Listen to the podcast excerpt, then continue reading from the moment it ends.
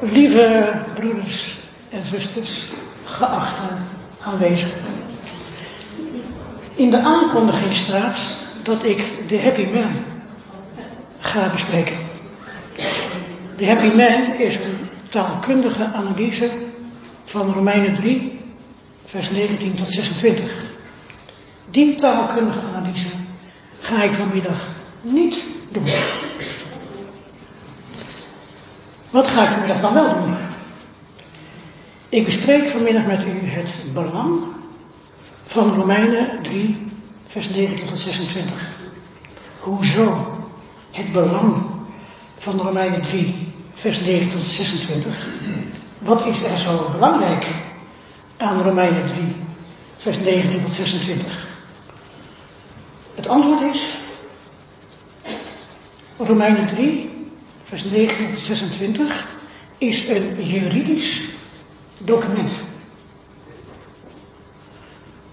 Romeinen 3, vers 19 tot 26 is een onderdeel van de processtukken van een strafzaak. Alle processtukken zijn in duidelijke volgorde weergegeven. De akte van beschuldiging staat in Romeinen hoofdstuk 1b, hoofdstuk 2 en hoofdstuk 3a. Het is een uiteenzetting van strafbare feiten die aan beschuldigden ten laste zijn gelegd. In vers 19 van Romeinen 3 staat de dagvaarding. In vers 20 volgt het requisitoor, de strafeis van de aanklager. In vers 21 tot 25 komt de verdediging aan het woord met nieuw feitenmateriaal. En in vers 26 komt de bindende uitspraak van de rechter. Iedereen, de hele wereld, krijgt met de inhoud van 3, Romeinen 3, vers 9 tot 26 te maken. Daarom moet je goed weten wat er in dit juridische document staat. Daarom gaan we vanmiddag dit document bespreken. Goed. Laten we beginnen met Romeinen 3, vers 19 en 20. Ik lees het even voor. Nu weten wij dat de wet bij al wat zij zegt tot hen spreekt die onder de wet zijn, opdat alle mond gestopt en de gehele wereld onder de rechtspraak van God komt. Daarom dat uit werken van een wet niemand voor hem gerechtvaardigd zal worden, want een wet doet zonde kennen. Dit lijkt een wat raadselachtig zin. Wij gaan het in alle rust bekijken. Zoals u uit de onderstreepte woorden kunt zien, gaan deze versen over juridische zaken. Er wordt gesproken over een wet, de wet, werken van een wet, rechtspraak enzovoort. Laten we beginnen met de juridische termen in deze zin te definiëren.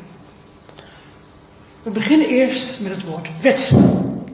Wat is een wet? Een wet is volgens het woordenboek een erkende bindende regel of een geheel van regels waarna men zich richt of te richten heeft in zijn gedragingen. U ziet in de tekst een verschil tussen de wet en een wet. De wet is een bepaalde wet, namelijk de wet van Mozes. Een wet is een wet in het algemeen.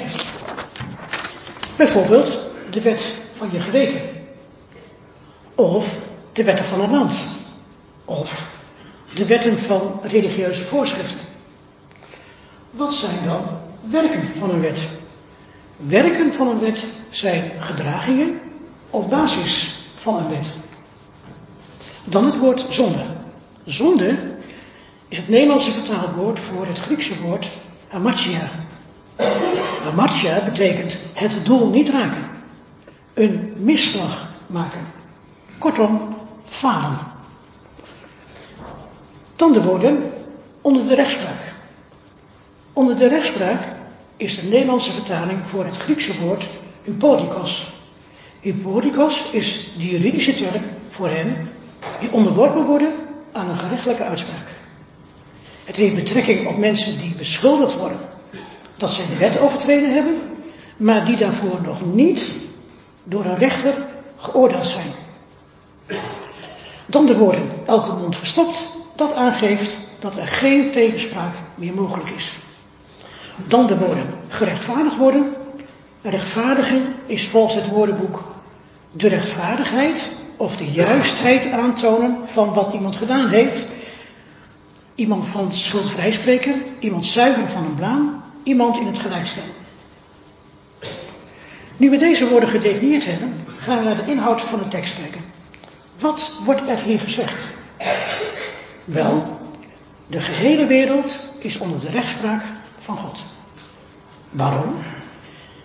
Er worden tegen de hele wereld beschuldigingen ingebracht van wetsovertredingen. De beklaagden krijgen de gelegenheid zichzelf te verdedigen.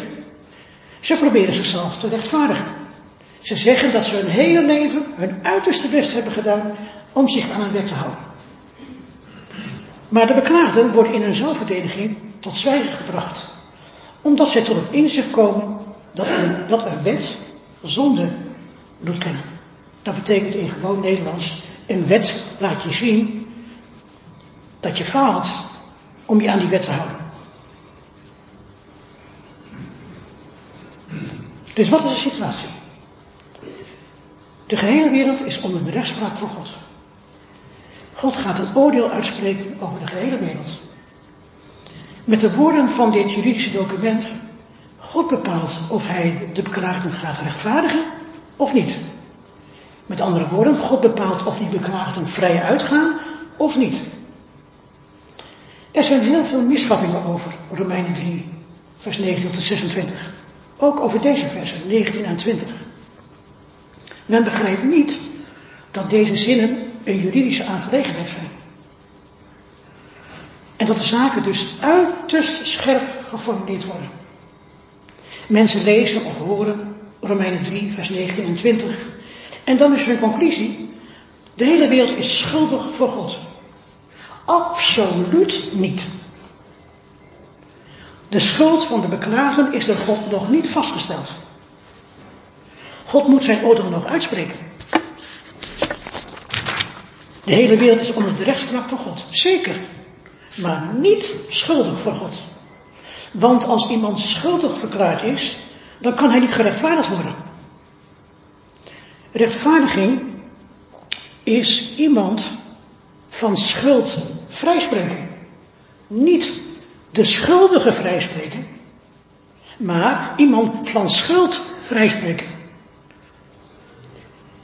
Iemand die gerechtvaardigd wordt, heeft dus geen schuld. Want als hij schuld zou hebben, dan zou hij niet gerechtvaardigd worden. Begrijpt? Met het begrip schuld loop je op de procesgang in de rechtszaal vooruit. Ziet u dat deze tekst een juridisch document is? Een andere misvatting die je heel vaak hoort is, dat staat er al wel in Romeinen 3, maar dat loopt zo vaak niet met die veroordeling door God. Niet? Nee, want God is liefde. Ja, dus. Nou, God wordt even boos en dan schenkt hij de schuldige vergeving. Absoluut niet. God is de rechter van de wereld en een rechter kan niet vergeven. Anders wordt hij medeschuldig aan de wetsovertredingen van de beklager. Een rechter moet recht spreken. Als iemand onschuldig is, dan wordt hij door de rechter vrijgesproken. En als iemand schuldig is, dan wordt hij door de rechter veroordeeld tot een gerechtvaardigde straf. In de setting van de rechtbank in Romeinen 3, vers 29, is er geen ruimte voor vergeving. Er is alleen ruimte voor rechtvaardiging of veroordeling. Ik vat deze versen nog even samen. In vers 19 is de hele wereld gedagvaard. Ze zijn onder de rechtspraak voor God. De akte van beschuldiging is voorgelezen. Tijdens hun verdediging, hè, de beklaagden kregen de gelegenheid om zichzelf te verdedigen. En tijdens hun verdediging zagen zij in dat de aanklachten gegrond waren. En dan spreekt de aanklager zijn requisitor. En hij zegt dat de strafbare feiten in de akte van beschuldiging tot de volgende strafeis komen. God kan op basis van de beschuldiging de beklaagde niet rechtvaardigen, niet vrijspreken, want vanuit werken van een wet zal niemand voor God gerechtvaardigd worden. En dan komt de verdediging naar voren om nieuw feitenmateriaal te presenteren.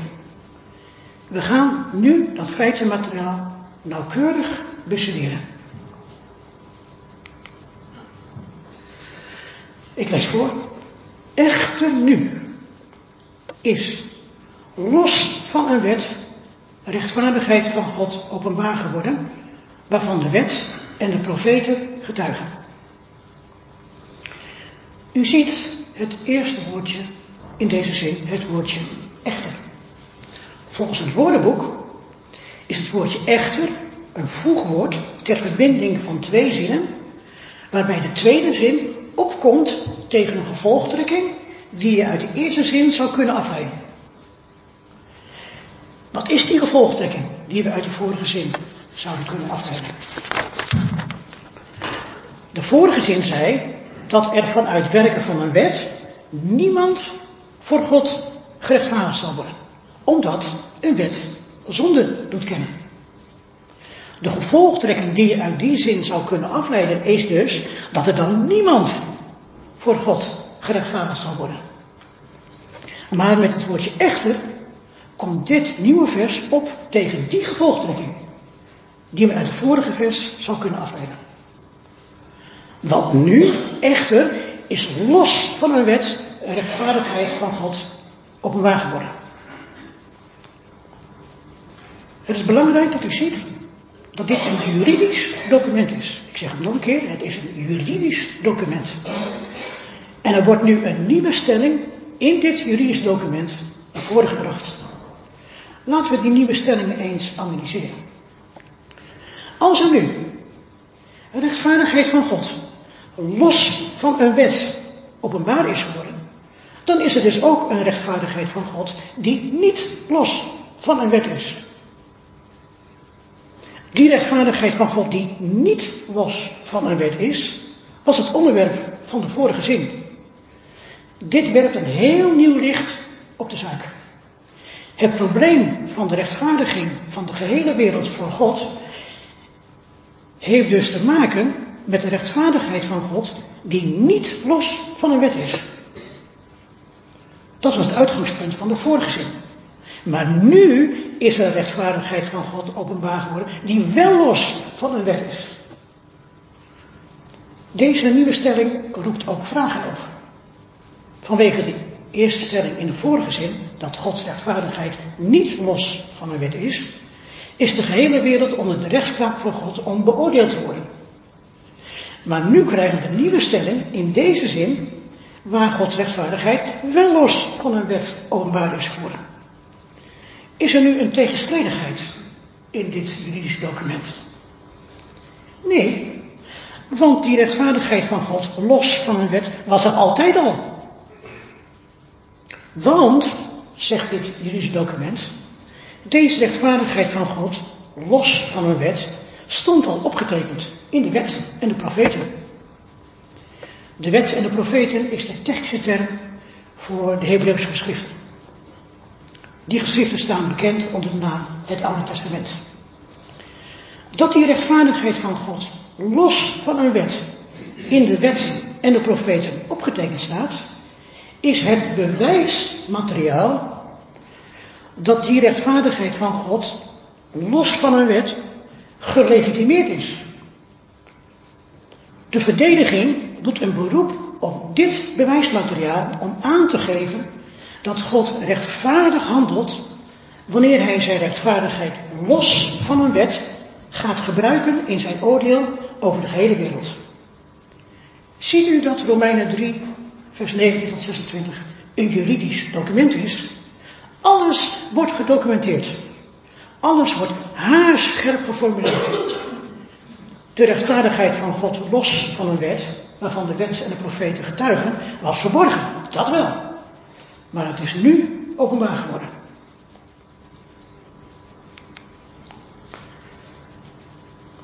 Ik lees het volgende vers aan u voor. Echter, rechtvaardigheid van God echter, door het geloof van Jezus Christus, voor allen die geloven, want er is geen onderscheid. Ook in deze zin is het woordje echter.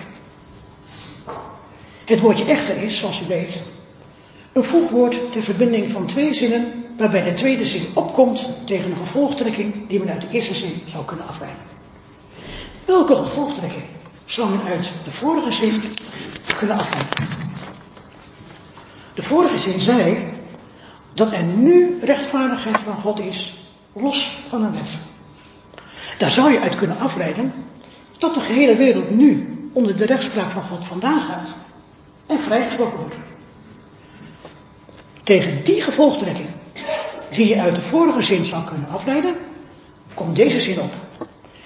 Deze zin zegt, echte rechtvaardige, echte rechtvaardigheid van God door het geloof van Jezus Christus voor allen die geloven.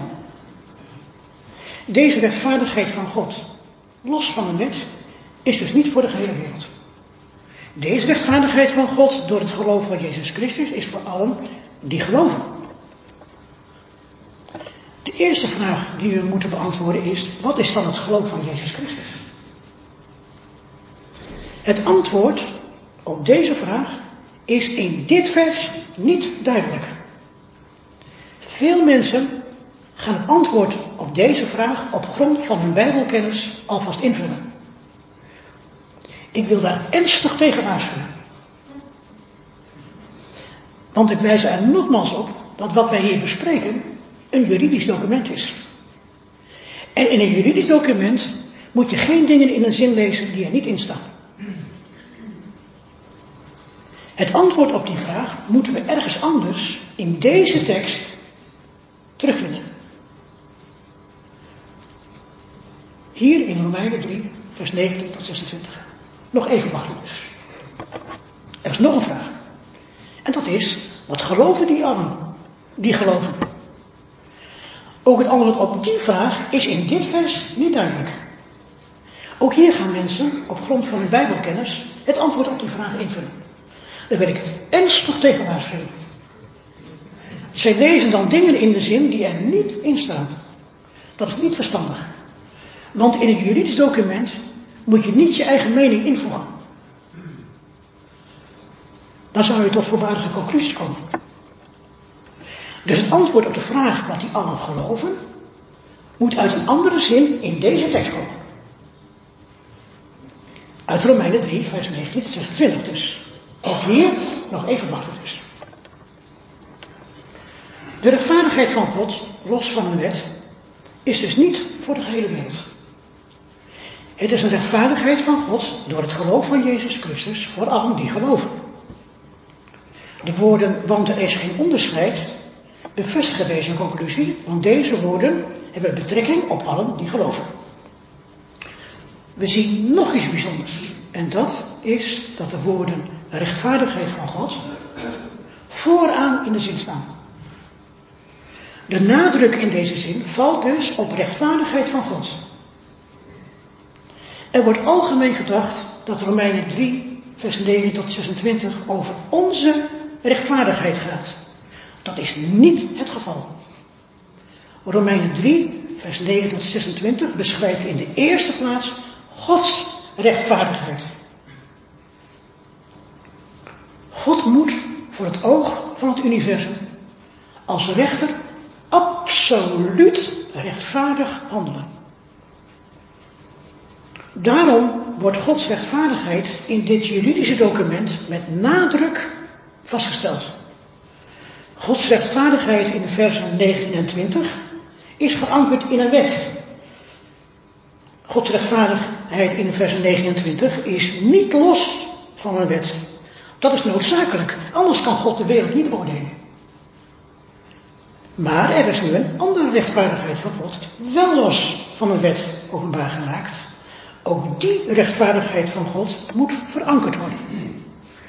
De rechtvaardigheid van God, die rechtvaardigheid van God, is verankerd door het geloof van Jezus Christus.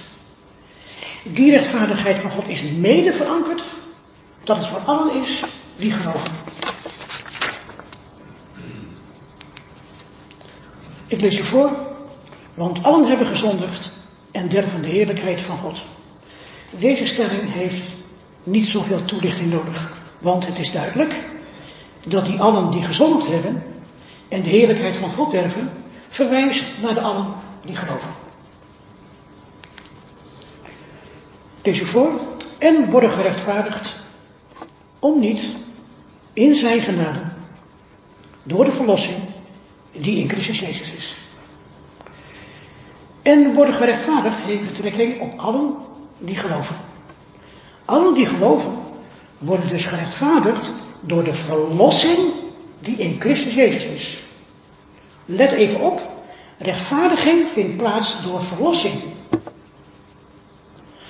Verlossing is niet iets wat men zelf doet, maar wat door een ander gedaan wordt.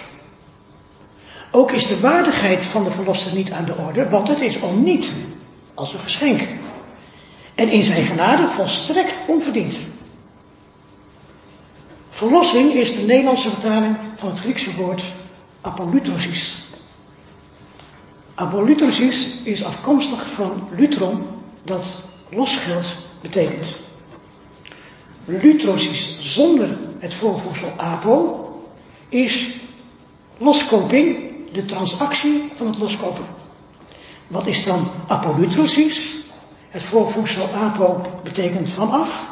Apolutrosis betekent letterlijk vanaf loskoping. Dat is loskoping plus vrijlating. Dit woord apolutrosis is een term met een juridische betekenis. Dat loskopen en vrijlaten is op basis van losgeld. Het is een wettige transactie die gedocumenteerd wordt. Er wordt wettig vastgesteld wie er betaald heeft en hoeveel het losgeld bedraagt. En er wordt wettig vastgesteld wie er op die basis worden losgekocht en worden vrijgelaten. Dit heeft betekenis voor de context van Romeinen 3. De gehele wereld is onder de rechtspraak van God. Allen zijn gebonden aan een wet. De beklaagden hebben de wet overtreden. Het oordeel van de rechter zal uitgesproken worden. Dat is de rechtvaardigheid van God, niet los van een wet. Maar dan wordt rechtvaardigheid van God los van een wet openbaar gemaakt. Rechtvaardigheid van God door het geloof van Jezus Christus. Die rechtvaardigheid van God door het geloof van Jezus Christus is voor allen die geloven. Allen die geloven worden om niet in zijn genade door de verlossing die in Christus Jezus is, gerechtvaardigd. Dat wil zeggen, zij worden op basis van het losgeld wettig vrijgesproken van de beschuldigingen waarvoor zij onder de rechtspraak van God waren. Die allen die geloven, bevinden zich na die wettige vrijspraak en vrijlating niet langer meer onder de rechtspraak van God. Deze verlossing is een juridische aangelegenheid. Wettelijk hier vastgelegd. Dan krijgen we de vraag, wat is dan die verlossing die in Christus Jezus is?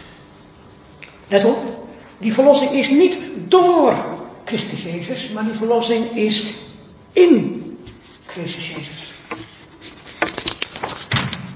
Waarom? In Christus Jezus.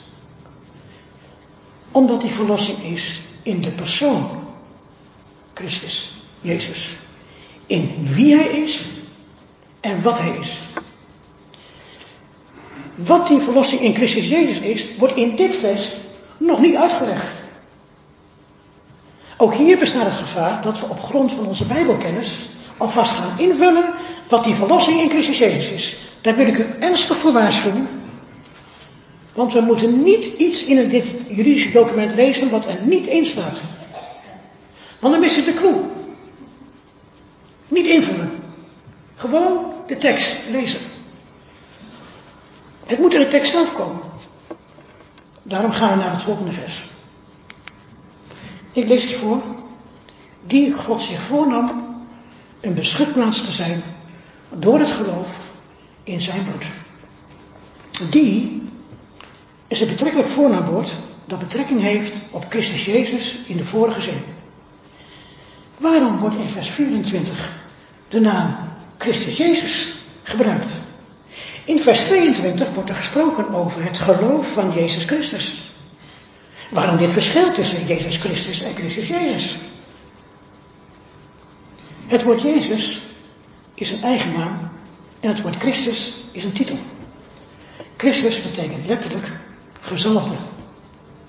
Gezalfde is een aanduiding voor iemand die voor een bepaalde officiële taak en functie gezalfd is en daarmee voor die taak gewijd en aangesteld is. Als er in dit juridische document gesproken wordt over Jezus Christus, dan ligt de nadruk op de persoon die een bepaalde taak en functie heeft. Het geloof van Jezus Christus is dus het geloof wat de persoon Jezus Christus heeft. Zijn persoonlijke geloof. Bij Christus Jezus ligt de nadruk op zijn taak en functie. Jezus is de Christus, de gezalde, die in zijn officiële functie, waar hij officieel voor is aangesteld, een specifieke taak moet uitvoeren. Wat is die specifieke taak die hem opgedragen is? Hij moet een beschutplaats zijn. Want God nam zich dat voor. Wat is dan een beschutplaats? Beschutplaats is de letterlijke Nederlandse vertaling voor het Griekse woord hilasterion. Ik heb hier in Garda al eens eerder gesproken over de beschutplaats. En voor degene die zich dit niet goed, voor de geest kunnen halen, nog even een kleine toelichting. Het achtervoegsel terion geeft de plaats aan waar de handeling plaatsvindt. Bijvoorbeeld, demoterion, desmoterion is een binnenplaats, een, gevangenis. Een criterion is een oordelenplaats, een rechtbank. Acroaterion is een luisterend plaats, een audiëntiezaal. En een hilasterion is een beschuttend plaats, een beschutplaats. Wat is die hilasterion, die beschutplaats? Die beschutplaats, die bekend staat als het verzoendeksel, was een onderdeel van de ark. De ark, een gouden kist, stond in het tabernakel en later in de tempel in Jeruzalem. Deze ark stond in de allerheiligste plaats, het heilige der heiligen. Eenmaal per jaar, op Yom Kippur, de grote verzoendag, beter gezegd, de grote beschutdag, mocht de priester het heilige der heiligen binnentreden. Met in zijn handen een schaal met het bloed van offerdieren. En dan moest de hoge priester dat bloed sprenkelen op het didasterion, het verzoendeksel, de beschutplaats. De hoge priester sprenkelde dat bloed ten behoeve van zichzelf en van het gehele volk. En dan werden de zonden verzoend. Beter gezegd, beschut. Dat wil zeggen, het volk Israël werd op die dag beschut tegen de zonden die het afgelopen jaar gepleegd waren. Ik ga nog even terug naar het vers voor het schema. Lees nog één keer voor, die God zich voornam een beschutplaats te zijn door het geloof in zijn bloed. De vraag was, wat is die verlossing die in Christus Jezus is? Ik wil ten overvoeten nog een keer zeggen dat wij hier te maken hebben met een juridisch document. In dit vers wordt haarscherp een juridische transactie vastgesteld. De wettige verlossing wordt tot stand gebracht in een persoon, Christus Jezus. God nam zich voor dat Christus Jezus een beschutplaats zijn. De vraag is nu, hoe kan Christus Jezus een beschutplaats worden? Het antwoord is door het geloof in zijn bloed. Hier hebben we moeilijkheid als we het Grieks niet begrijpen. We kunnen namelijk niet vertalen met door het geloof in zijn bloed. De Nederlandse constructie geloof in kan niet een vertaling zijn met het Griekse voorzetsel en. Geloof in kan alleen met het voorzetsel eis. En hier staat in deze zin met het voorzetsel en. Dus geloof in zijn bloed kan technisch gezien niet. Dat laat de vertaling ook zien. Er is een komma gezet tussen geloof en in. In zijn bloed is het antwoord op de vraag: waar is Christus Jezus een beschutplaats? Het antwoord is in zijn bloed. In het Grieks staat van hem voor bloed. Door die plaatsing krijgt van hem de nadruk. Dat betekent zijn bloed. Niet het bloed van offerdieren, zoals bij de beschutplaats in de tempel. Nee, het is zijn bloed. Het bloed van Christus Jezus zelf. Christus Jezus is een beschutplaats. En zijn bloed is de plaats waar die beschutplaats zich bevindt. Door het geloof is het middel, het kanaal waardoor deze beschutplaats tot stand komt. Laten we Romeinen 3, vers 25a even schematisch weergeven. De getallen die je onder de woorden ziet, zijn de naamvallen in het Grieks.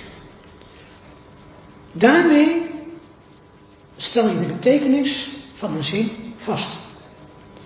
Met dit schema wordt het antwoord gegeven op wat het geloof van Jezus Christus is. Het is het geloof dat Jezus Christus had, dat hij in zijn bloed een beschutplaats zou zijn. Door het geloof van Jezus Christus, dat hij in zijn bloed een beschutplaats zou zijn, werd hij als Christus Jezus in zijn bloed een beschutplaats. Wat betekent dat? Dat Christus Jezus in zijn bloed een beschutplaats is. Daarvoor gaan we naar het tweede deel van deze zin. Lees even voor. Om zijn rechtvaardigheid te tonen vanwege het onder de verdraagzaamheid van God terzijde laten van de consequenties van de zonde die tevoren geworden waren. Laten we naar de woorden kijken, de consequenties van de zonde. Het is de vertaling van het Griekse woord hamartematon. Hamartematon is de tweede naam van meervoud van het woord hamartema. Hamartema is een speciaal woord dat afgeleid is van hamartia, zonde. Het achtervoegsel ma betekent gevolg, effect. Het woord hamartematon betekent dus de gevolgen, de consequenties van de zonde. De vraag was, wat is de verlossing in Christus Jezus?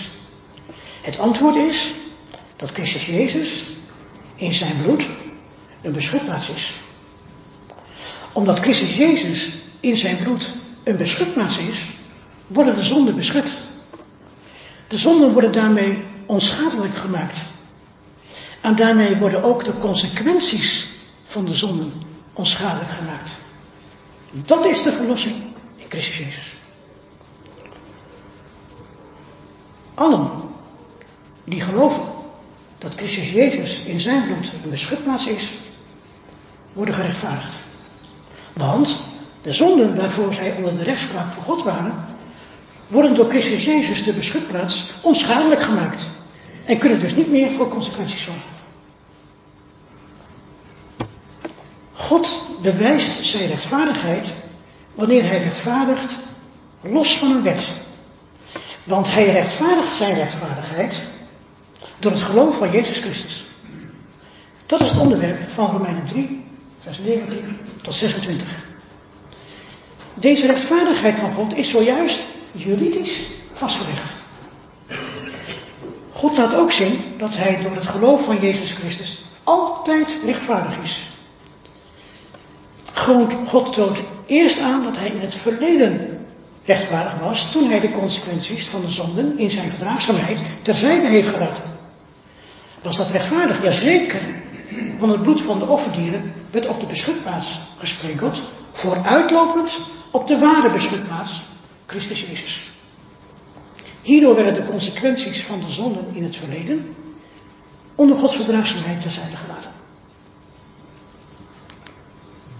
Ik lees u voor om zijn rechtvaardigheid aan te tonen in de huidige periode zodat hij zelf rechtvaardig is, ook wanneer hij degene rechtvaardigt die vanuit geloof van Jezus is. Dit vers is de gerechtelijke uitspraak van God. Nog een keer, dit vers is de gerechtelijke uitspraak van God.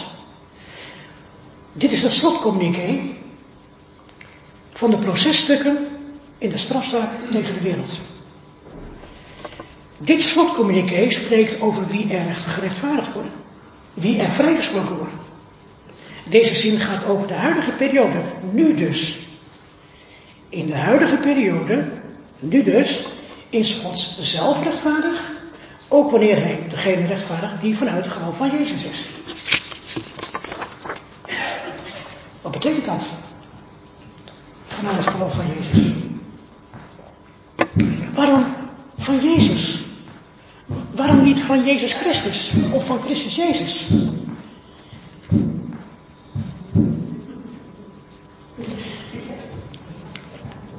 Hier wordt Jezus als persoon beschreven, nog voordat hij officieel tot Christus benoemd werd. Jezus had de wet en de profeten intens bestudeerd. Daar las hij dat er rechtvaardigheid van God is, los van een wet. Rechtvaardigheid van God door het geloof. Die rechtvaardigheid van God zou zijn door het geloof van Hem, Jezus, de Christus, dat Hij in zijn bloed een beschutplaats zou zijn. Allen die geloven zijn zonder onderscheid vanuit dat geloof van Jezus. Wat is dat dan, geloven? Geloven is dat wanneer je hoort wat Jezus geloofde, namelijk dat Hij in zijn bloed een beschutplaats is, dat je dan in je hart weet dat het waar is. En dat je dan zegt, ja Heer, zo is het. En God ziet jouw geloof en dan rechtvaardigt Hij jou. En jouw rechtvaardiging is volkomen rechtvaardig. Want het is een wettelijke overeenkomst. Die hier in dit juridische document vastgelegd is. Samenvattend. Romeinen 3, vers 19 tot 26 is een juridisch document. Dit document laat zien dat God rechtvaardig is in alles wat hij doet. Dit document laat ook zien wie Christus Jezus is en wat hij gedaan heeft. Dit document laat tenslotte zien dat onze rechtvaardiging een wettelijke transactie is. Degenen die deze wettelijke transactie tot stand brengen, zijn God en Christus Jezus. Daarom gaat Romeinen 3, vers 9 tot 26 in feite over God en over Christus Jezus. Wij zijn de begunstigden die ademloos toekijken hoe God en Christus Jezus werkzaam zijn. Het gaat in de rechtvaardiging dus om God en om Christus Jezus en niet om ons. Waarom gaat het om God en om Christus Jezus? Zodat God en Christus Jezus alle eer krijgen.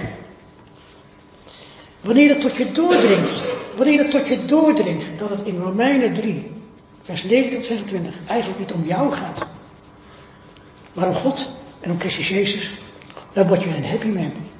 Of een happy woman natuurlijk. Amen.